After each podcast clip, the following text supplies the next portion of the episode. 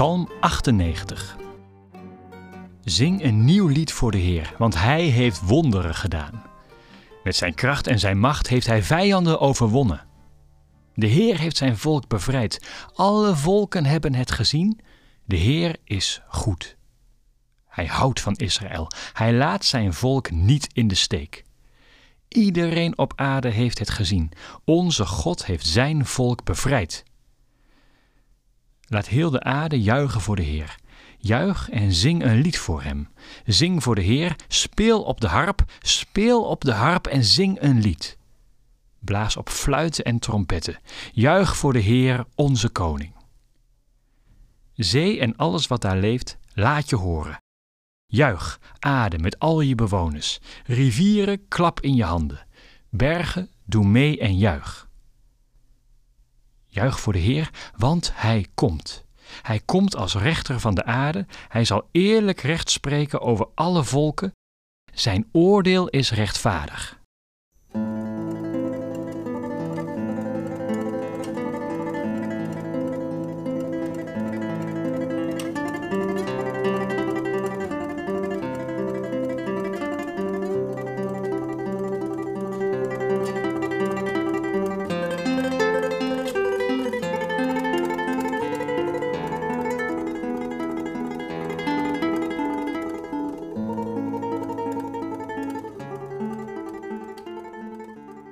Psalm 98 is wat je noemt een loflied. Het is een vrolijke psalm.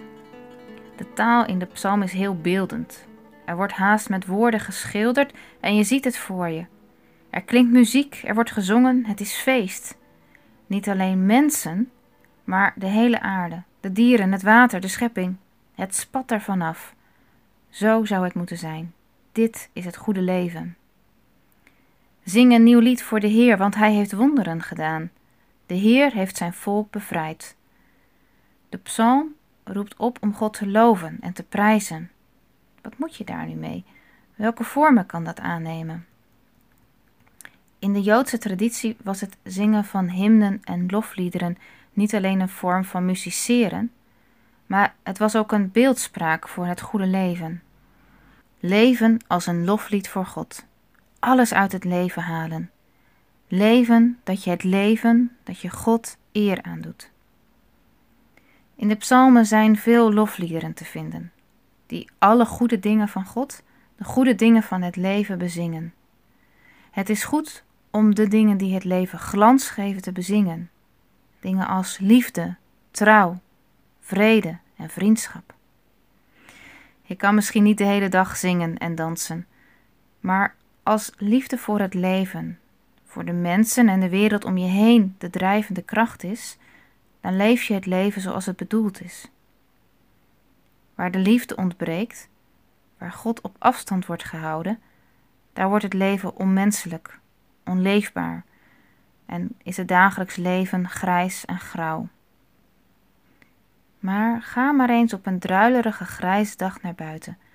Kijk om je heen, of je in de natuur nog kleur ziet groen gras, een laat bloeiende roze roos, een rode hulspes of een rozenbottel, een wit sneeuwklokje.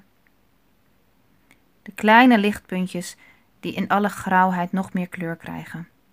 De ene keer word je getroffen door de kwetsbaarheid en dan weer door de overweldigende krachten in de natuur, die alleen in poëtische frasen gevangen kunnen worden.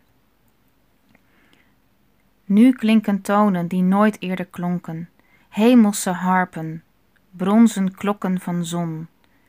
Nu zingen ook de wereldzeeën mee. In alle talen daverende bergen, klappen en fluiten rivieren, trompeteert heel de kosmos eensgezind. Welke wonderen zie jij om je heen? Waar kan jij je over verwonderen? In welke woorden of klanken Bezing jij de eenheid die je kan voelen met de wereld om je heen?